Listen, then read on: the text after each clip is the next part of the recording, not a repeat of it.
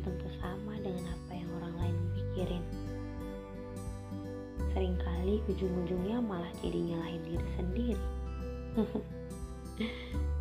Dan kadang malah lebih milih apa-apa itu dia udahin aja ketimbang ribet.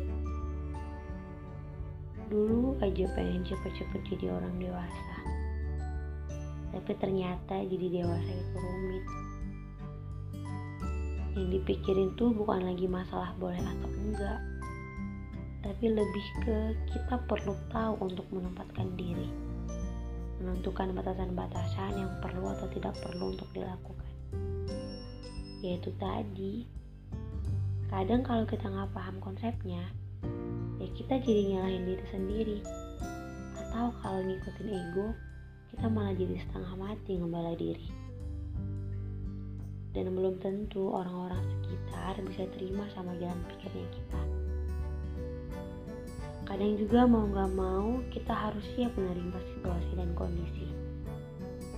Ya namanya juga menempatkan diri.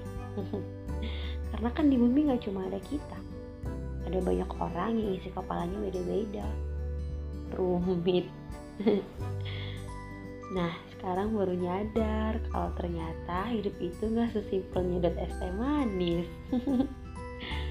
Tapi ya apa pun itu belajar untuk tahu menempatkan diri itu perlu. Bahkan di segala keadaan baik atau buruk.